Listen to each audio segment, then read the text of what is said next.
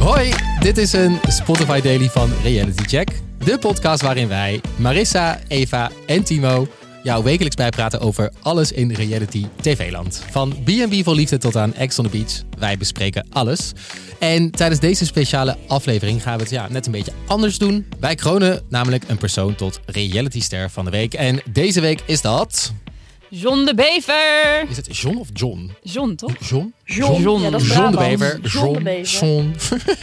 Hij heeft namelijk sinds kort ook al een eigen reality docu op Videoland. De Bevers. Eh, in vijf afleveringen kijken we namelijk mee in het leven van John en zijn man.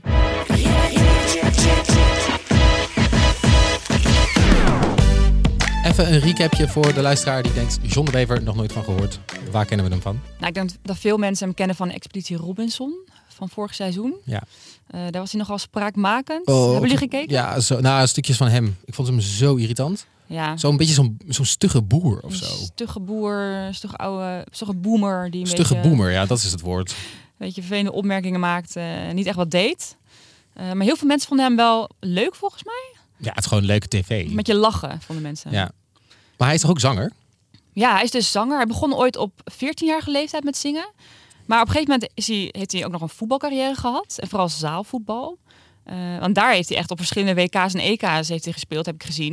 En in 1997 is hij zelfs uitgeroepen tot beste zaalvoetballer van de wereld. Huh? Wisten jullie dit over Johnny? Nee, dat wist ik niet. Zeker wel. Ehm, Marissa wist dit.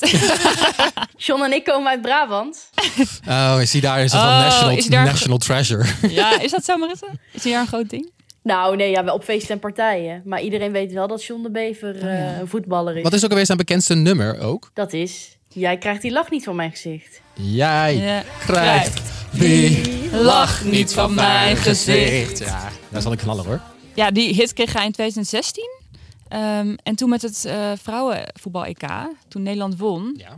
Eh, toen was, werd het echt een hit volgens mij. Want zij gingen dat toen zingen de hele tijd op die uitreikingen van Oh. op al die Ja, maar in. Brabant was dit al wel eh gemeen goed hoor. Dat was al een knaller op alle tentfeesten en Oh, ja. partijen. maar Ja, wat ik- ik- nog heel goed is aan eh, John de Bever, is dat ehm, hij is homo, maar daar heeft hij nooit een probleem van gemaakt. Of nooit een punt van gemaakt. Dus hij heeft een profcarrière achter de rug. Maar dat was helemaal geen issue. Nou, ik heb hem wel een keer horen praten in ehm, die podcast De Schaduwspits toen, waar ze over eh homoacceptatie in het voetbal iets maken. En de dingen die hij daar zegt, vond ik echt Oh, heel dan? irritant. Hij zei van ja, weet je, als je gewoon, eh, het is geen probleem als je gay bent in het voetbal, als je je maar gewoon gedraagt als hetero. Zo een beetje. Weet je, als je maar niet met een toetuutje naar het hockey, of naar het voetbalveld komt, dan kan het wel prima. Dus het is een soort van als je maar conformeert tot de voetbalcultuur, de macho cultuur, en je gewoon als hetero gedraagt, dan kan het wel. Ja, oké, maar hij heeft zelf dus nooit problemen ervaren. Nee, hij heeft er zelf geen problemen mee ervaren. Nee. nee. Maar goed, want ben je wel een BN'er tegenwoordig als je geen docu op Videoland hebt? Nee. Ik denk het eigenlijk niet. Dus het werd ook tijd dat niet alleen John de Bever, maar ook zijn vriend en manager Kees worden gevolgd. En eh, we hebben de eerste paar afleveringen gezien, toch? Het is wel smullen hoor. Eh, Ja, vind je dat? Nou, ja, er, ge- er, er gebeurt gewoon niks. nou, maar dat is juist wel leuk. Je ziet gewoon dat John de Bever niks uitvoert in huis. Dus dat, ja, klopt, ja. dat zijn man en manager inderdaad eh, alles doet. Kijk. Poetsen. Je ziet allemaal van die shots dat hij de hele tijd dingen aan het doen is. Aan het opruimen is, helemaal achtergewoon. Dan komt John thuis en dan de volgende ochtend is eerst Kees bezig met de rommel opruimen van de avond ervoor van John. Ja. Ehm, Het enige wat John doet is Chinees halen en de En naar de frietent. En de frietent.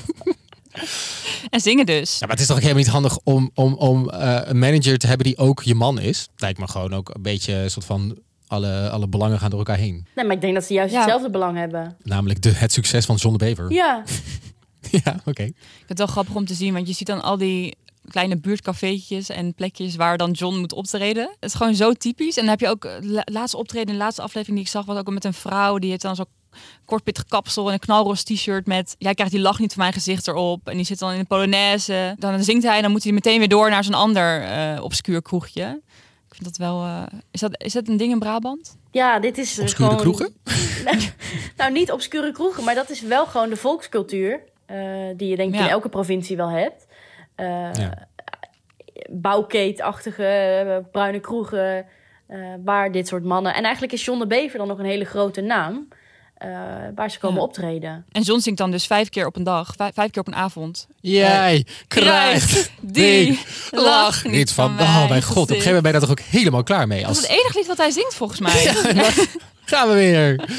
Ehm, maar jullie raden het wel aan om te kijken. Moi, ik vond het gebeurt niet veel, moet ik zeggen. Het is wel lachen om een paar afleveringen te kijken, maar ik zou niet alles kijken. Want op een gegeven moment zie je alleen maar dat, ze naar, dat hij naar ergens heen gaat, naar zo'n space cabin, dat hij in een vrieskist gaat. Eh, ze, ga- hij gaat- ze gaan het vlees halen voor de barbecue. Ja, dat soort uitstapjes zie je alleen maar. Verder niks bijzonders. Ja, ik vind dat dus juist wel grappig en leuk. Dat je dus een heel normaal leven eigenlijk van een BN'er ziet. Dat hij eigenlijk Ja. net Ja. zo leeft zoals wij. Niet dat wij naar eh, optredens gaan, maar het is gewoon een hele normale... En ik vind John de Bever gewoon echt een mooie vent. En Kees, want die krijgt ook best wel een grote rol in deze docu. Ja, ja John die was er bang voor dat Kees nu achtervolgd zou worden en alle aandacht zou krijgen. Eh, ja, Kees is ook prima gast. Ja, Ja. laten we het daarop houden. Nou, de Bever staat op eh, Videoland. En ehm, nou ja, als je misschien een keer brak bent op je zondag en je denkt, ik kan even niks meer aan, eh, dan kun je dat vast opzetten. Dan is het vast heel leuk. Precies. Eh, goed, dit was eh, de Reality Star van deze week. Elke donderdag zijn we er met reguliere aflevering van Reality Check. Daarin bespreken we op dit moment Temptation Island, maar dat is bijna klaar. Want vanaf 11 juli zijn wij er met B&B voor liefde. Dus als je denkt, dat is meer mijn ding, eh, abonneer je vooral even op onze podcast. Want dan eh, weet je zeker dat je op tijd inspringt bij het juiste programma. En eh, wil je op de hoogte blijven van al het reality tv nieuws, volg ons vooral op Instagram. Het linkje vind je in de show notes. We zijn te vinden als Reality Check, laagstreepje, de podcast. Tot volgende week. Tot volgende week. Houdoe!